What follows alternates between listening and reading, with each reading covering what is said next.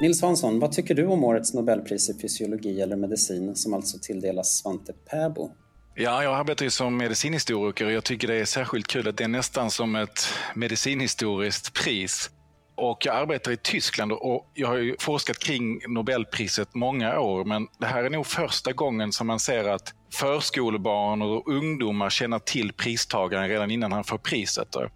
Jag arbetar i Düsseldorf och precis utanför Düsseldorf så finns det ett eh, så här neandertalarmuseum. Och eh, vi var där nu med familjen, jag har tre pojkar, för några veckor sedan innan tillkännagivandet. Och när man kommer in där så är där en stor bild på Svante Pääbo där de förklarar hans forskning. Så han är väldigt välkänd i Tyskland men också i Sverige som sommarpratare och så vidare. Så det är ju särskilt kul att det är någon som är välkänd före priset. Jag känner knappt till fler exempel på det där.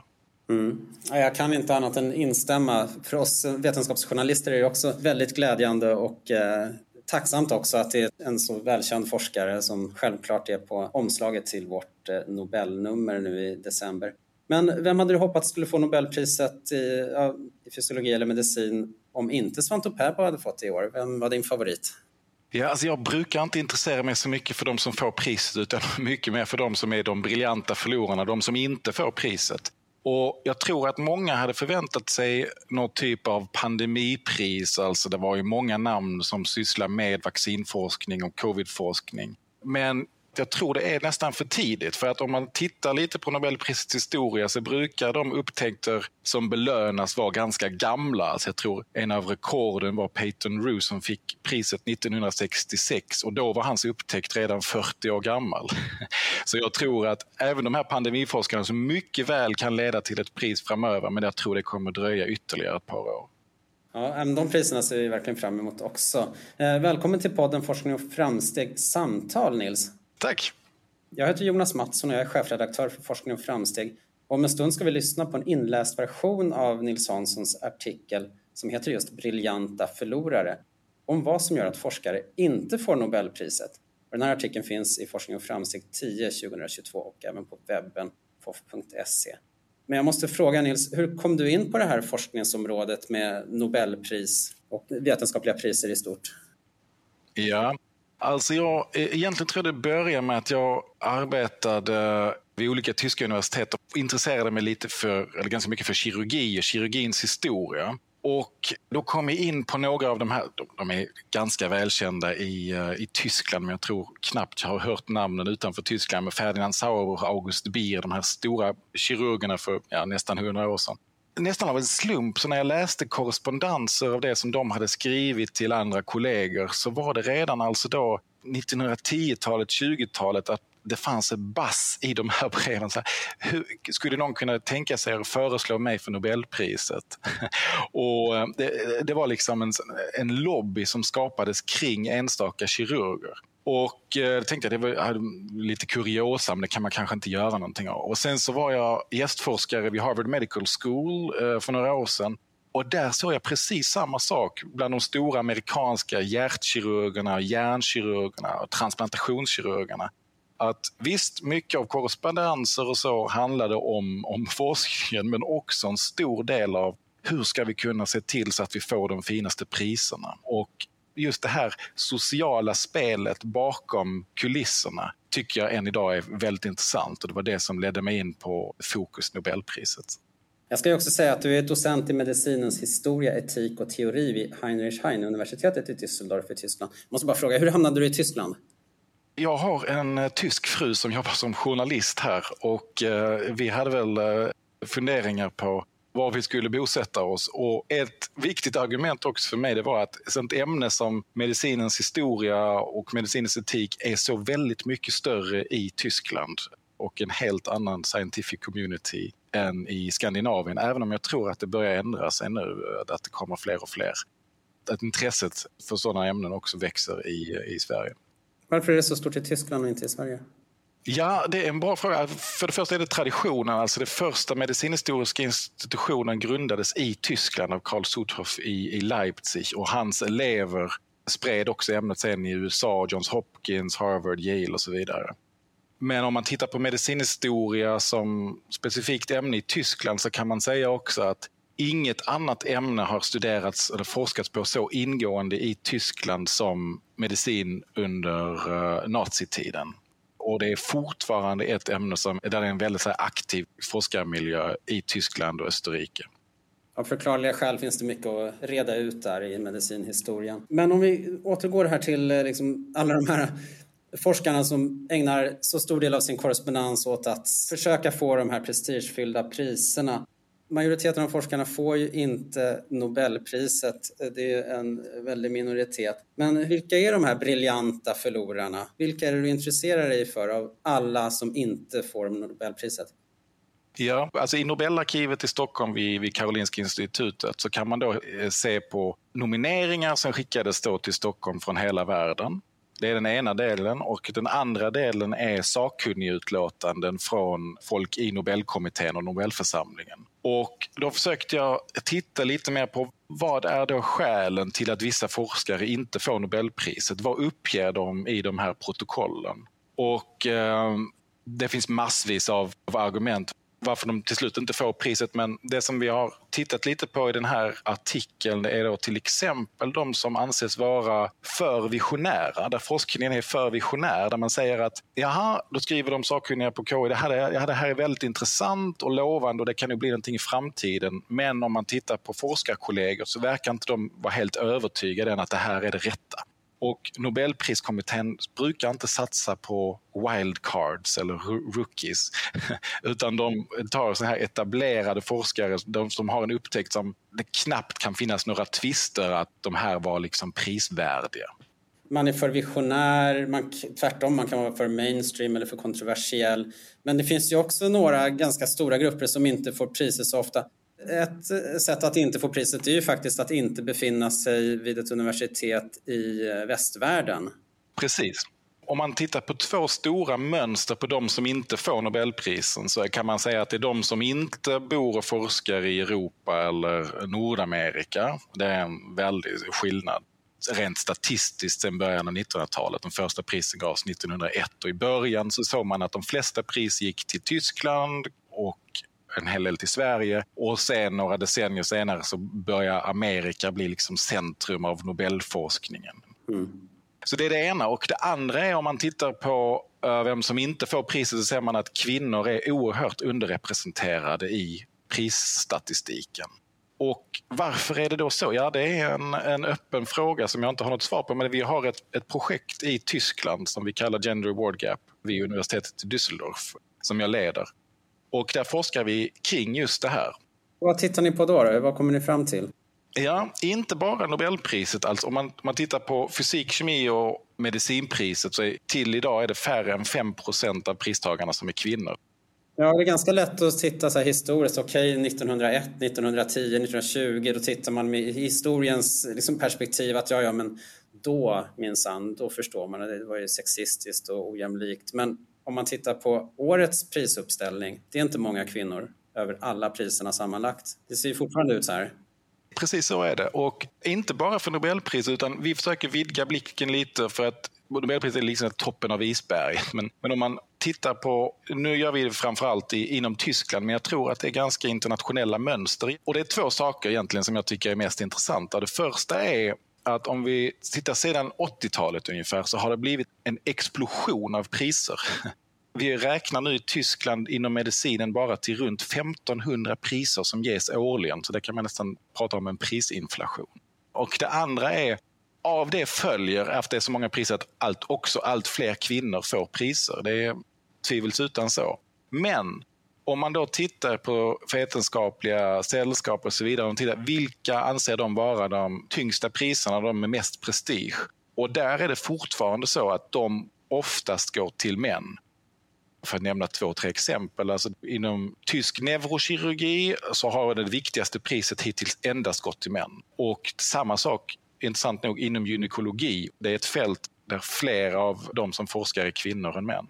Vad skulle man då kunna göra för att göra fler kvinnor synliga inom forskningen via priser. Och då tänker vi att en strategi kan vara man tittar på vem ger ut priser, vem delar ut priser, vem bestämmer vem som blir pristagare. Att man tittar att de här priskommittéerna skulle kunna bli mycket mer jämlika. Att man inte bara har äldre män som sitter för sig själva och funderar ut vem som ska få priser. Att man tittar på hur är juryn sammansatt? Man har en kvotering där, en könskvotering i juryn som då indirekt ger en könskvotering i priset eller bara ett jäm, mer jämlikt pris? Ja, jag tror det. Att om man har fler röster och olika perspektiv i en jury så kommer det leda till att pristagarna blir annorlunda. Ja. Och en annan sak, jag tror det är samma sak i Sverige, men jag vet att det är så i Tyskland och i USA att det finns många så här early career prizes. Och då brukar det stå att man är välkommen att nominera kvinnor och män fram till de fyller 35 eller 40 eller något liknande. Då tycker vi att vore det inte rimligare att man pratar om akademisk ålder istället för biologisk ålder? För att vi vet att många kvinnor, det är ännu, det är ännu, ännu mer så i Tyskland än i Sverige, att, att kvinnor tar mycket större ansvar vad gäller familj och många unga kvinnor inom forskningen spenderar mycket tid med barn och så vidare. Så att man egentligen tittar på den akademiska åldern istället för den biologiska. Ja, akademisk ålder, det är alltså hur många år man har varit verksam som forskare. Precis, att man tar hänsyn då till om man har varit hemma med föräldraledighet eller, eller liknande. Hur har de här idéerna tagits emot? Ni publicerade ju det här i både en vetenskaplig tidskrift och eh, har eh, skrivit en debattartikel i Forskning och framsteg om det här, en forskarkommentar. Vad har du fått för kommentarer tillbaks? Ja, vi har fått en hel del kommentarer. Vi har också presenterat det här på eh, kongresser, de här idéerna. Och ehm, en idé som det har blivit lite kontroverser kring, som jag tycker är intressant, det är då att priskommittéer i flera olika sällskap säger ja men vi kan ju bara ta hänsyn till de nomineringar som vi får in. Och är det så att forskarvärlden bara nominerar män så kan vi bara välja män. Det tycker jag är ett dåligt argument.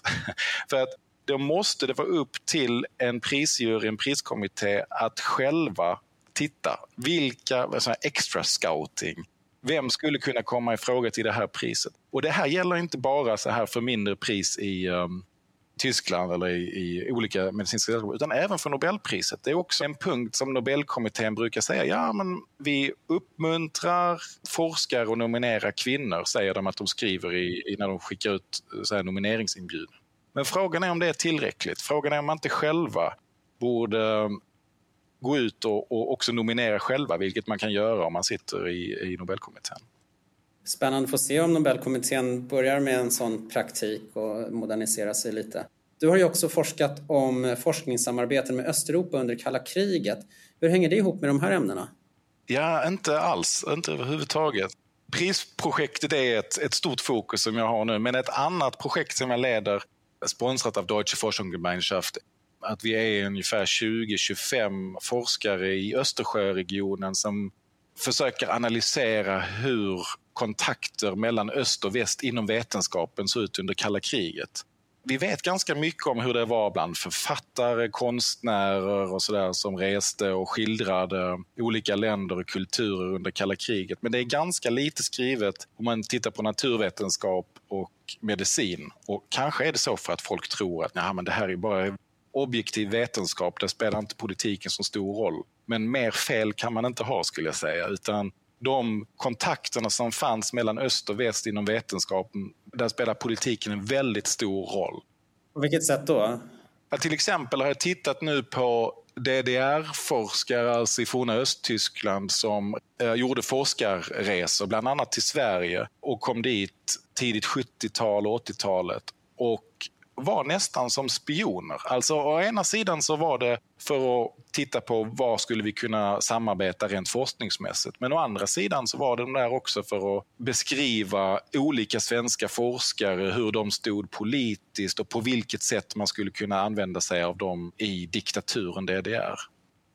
Du har ju skrivit en, eh, tillsammans med en kollega en debattartikel, en forskarkommentar i Forskning och framsteg eh, apropå bojkotten av ryska forskare efter invasionen mot Ukraina. Och där har ju du haft en lite mer tillåtande tes jämfört med de som vill ha en total bojkott mot rysk forskning. Hur tänker du där?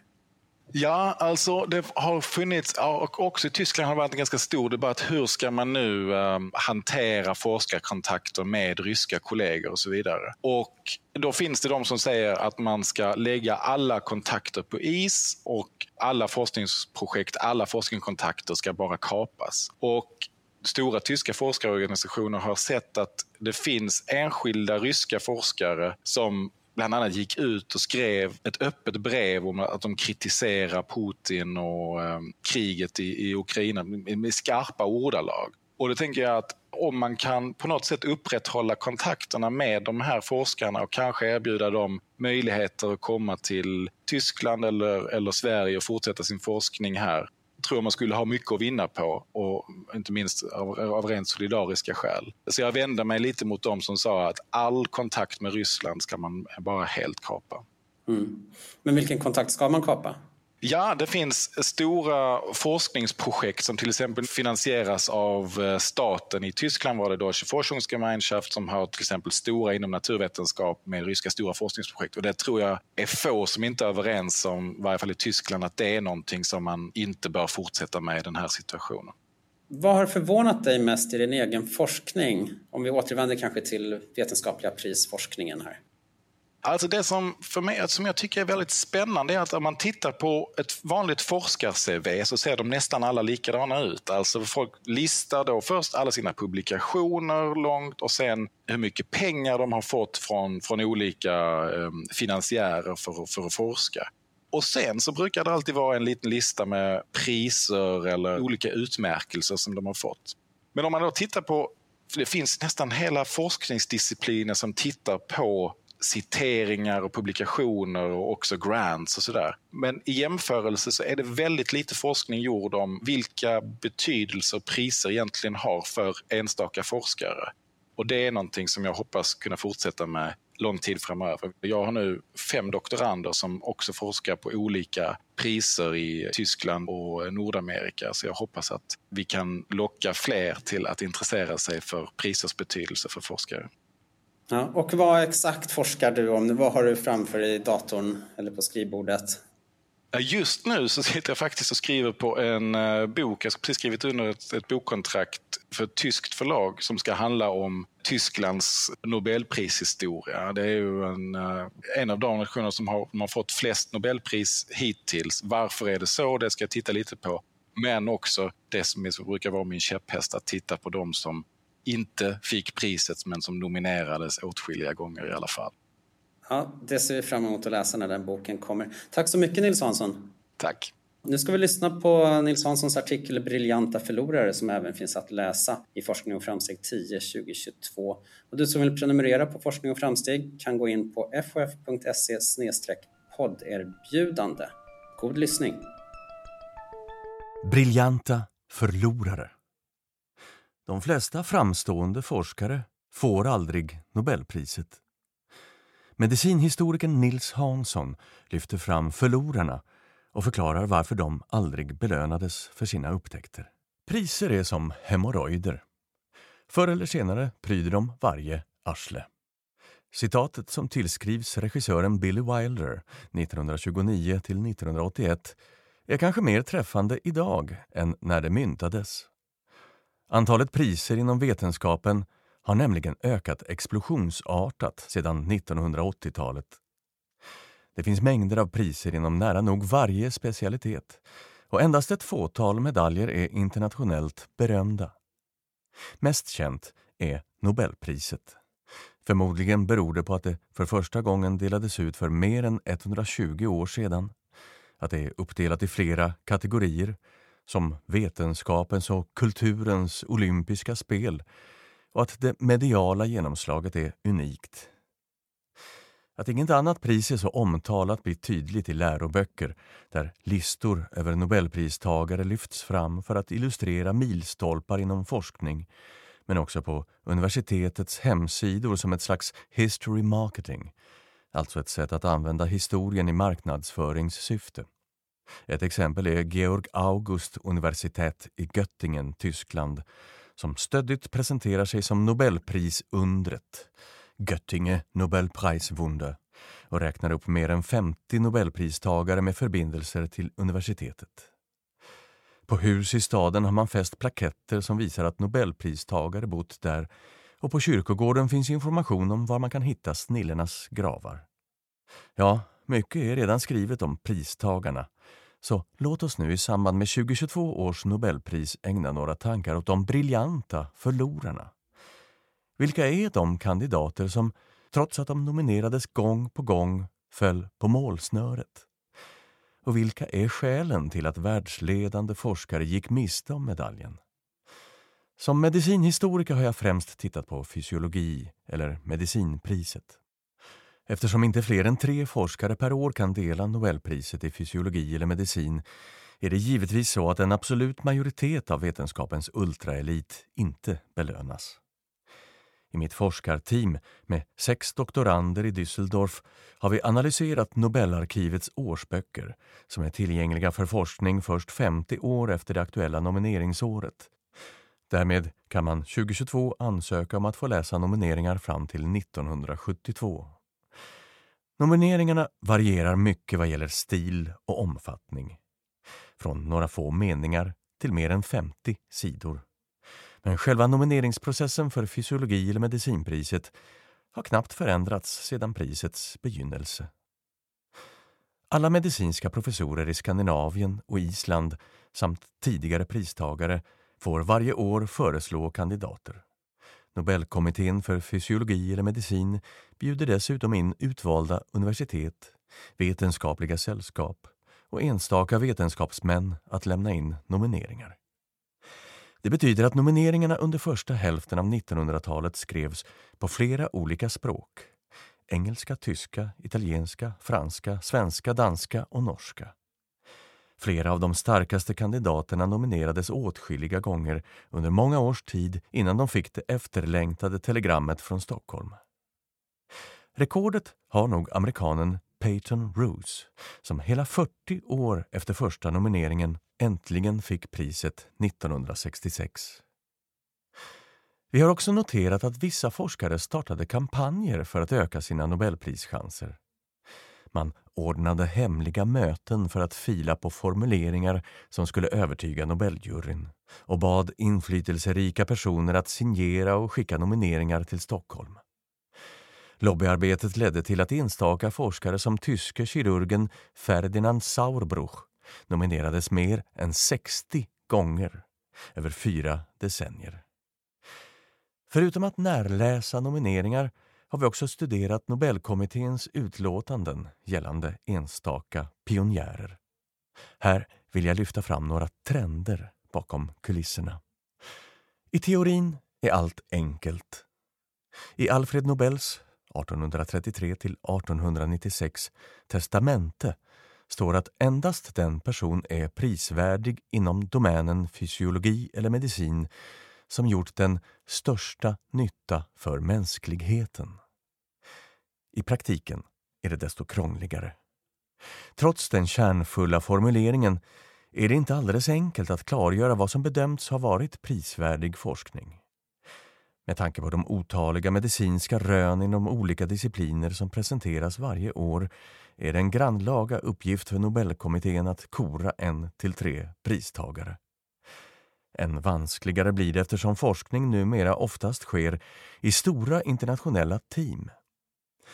I backspegeln kan vi dock se att pristagarna i flera hänseenden liknar varandra. Nobelkommittén satsar inte på wildcards. De flesta är män som forskat vid amerikanska eller europeiska toppuniversitet. De har ofta redan fått stora priser som Lasker, Wolf eller Gardner-priset. Och deras publikationer har citerats tusentals gånger. Här gäller må hända en princip parafraserad på inledningen till den ryske författaren Lev Tolstojs roman Anna Karenina. Alla nobelpristagare är lika, men varje olycklig kandidat är olycklig på sitt eget sätt. Vilka är då vanliga hinder för starka nobelpriskandidater? Följande argument satte käppar i hjulet för många kandidater enligt våra studier av nomineringar till Nobelpriset och utlåtanden av Nobelkommittén. 1. För spridda intressen. För det första gäller det för nobelprisaspiranter att inte ha för många vetenskapliga intressen som kan skymma spetskompetensen. Just det var problemet för den redan nämnde tyske kirurgen Ferdinand Sauerbruch. Han beskrev sin nomineringar som en allround-kirurg med många förtjänster som sträckte sig från bröstkirurgi till protesutveckling. Den breda forskningshorisonten blev också hans fall. För på varje enskilt område ansåg Nobelkommittén att det fanns andra forskare som ännu tydligare visat framfötterna. Med andra ord anses en spektakulär upptäckt i detta sammanhang viktigare än en imponerande men spretig meritlista. Efter flera misslyckade nobelprisnomineringar fick Sauerbruch 1937 slutligen ett av Adolf Hitler nyinstiftat vetenskapspris som var tänkt att ersätta Nobelpriset som världens förnämsta. Det priset existerar inte längre. 2. För mainstream. Ett annat tips är att undvika ämnen som ligger helt rätt i tiden. Eller som ishockeylegendaren Wayne Gretzky skaldade. Åk dit där pucken kommer att vara, inte mot där den har varit. Hjärtkirurgi var ett hett område i mitten av 1900-talet. På grund av de många metoder som utvecklades och upptäckter som gjordes under den perioden, bland andra den så kallade Blue Baby-operationen, hjärt-lungmaskinen, transplantationsförsök, bypass, blev det omöjligt för Nobelförsamlingen att bestämma sig för en till tre forskare när så många forskarteam hade varit i framkant. Konkurrensen var helt enkelt för stark och det var svårt att fastlägga vem som bidragit mest och varit först. Liknande svårigheter kan vi se både hos de otaliga europeiska och amerikanska forskare som presenterade nya anestesimetoder under 1900-talets första decennier. Liksom hos hjärnkirurger som Harvey Cushing eller Wilder Penfield. Följden blev ånyo att ingen av dem belönades. 3. Eller för visionär. För det tredje kan vi konstatera att prischanserna försämras om forskningen är för visionär. Å ena sidan konstruerade den tyske läkaren Themistokles Gluck 1853 1942 redan i slutet av 1800-talet konstgjorda leder. Men dessa idéer skulle först flera decennier senare tas på allvar. Ungefär samtidigt nominerades Stockholmsläkaren Gustav Zander 1835 1920 för att ha introducerat det som för oss påminner om moderna gym. Men inte heller han fick flest av juryns röster. Det gäller alltså att så snabbt som möjligt kunna visa både för kollegor och intresserad allmänhet att din upptäckt är relevant. 4. För kontroversiell. Särskilt intressant är det att läsa om de kontroversiella forskarna. Ett exempel var den excentriske österrikiske fysiologen Eugen Steinach 1861 till 1944 som menade att vasektomi, alltså sterilisering, leder till långsammare åldrande. Konceptet verkade så attraktivt att både Sigmund Freud 1856 1939 och litteraturpristagaren William Butler Yeats 1865 1939 följde rådet.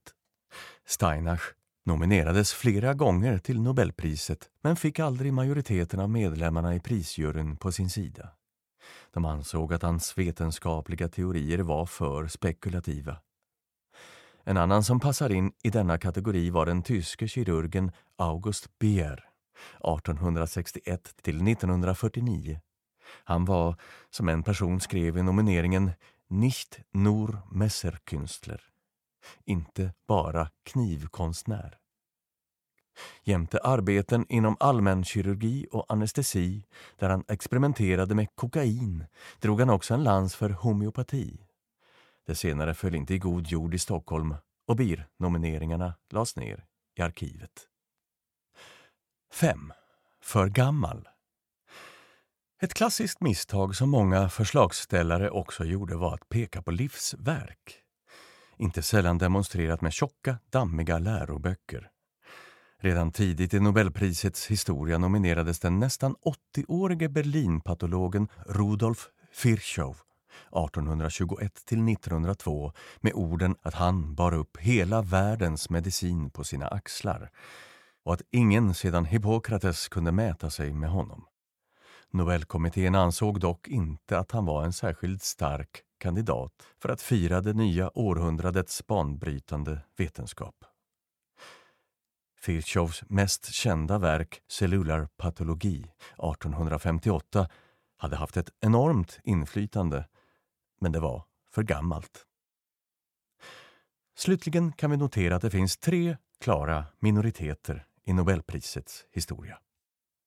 Kvinnor är kraftigt underrepresenterade både bland pristagare och nominerade.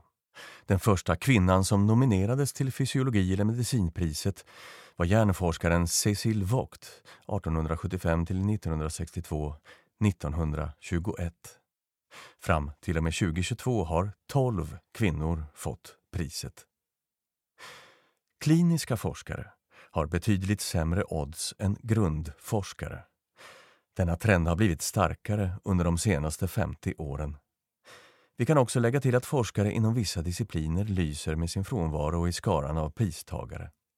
Däribland ortopeder, anestesiologer, tandläkare och medicinhistoriker. En absolut majoritet av pristagarna har varit verksamma i USA eller Europa. Alfred Nobel skrev i sitt testamente det är min uttryckliga vilja att vid prisutdelningarna intet avseende fästes vid någon slags nationalitetstillhörighet, sålunda att den värdigaste erhåller priset, antingen han är skandinav eller ej. Det återstår att se om kommande pristagare har en större geografisk spridning. Du har lyssnat på podden Forskning och framsteg samtal. För att prenumerera på Forskning och framsteg, gå in på fof.se podderbjudande. Inläsningen av artikeln är gjord av Iris Media. Medverkade i samtalet gjorde Nils Hansson som är docent i medicinens historia, etik och teori vid Heinrich Heine-universitetet i Düsseldorf i Tyskland. För ljudteknik, klippning och vignett står Per Dahlhjelm och jag heter Jonas Mattsson och är chefredaktör för Forskning och framsteg. Jag vill också tipsa om vår andra podd Forskning och framsteg artiklar där du hör ännu fler texter från forskning och framsteg. Tack för att du lyssnade.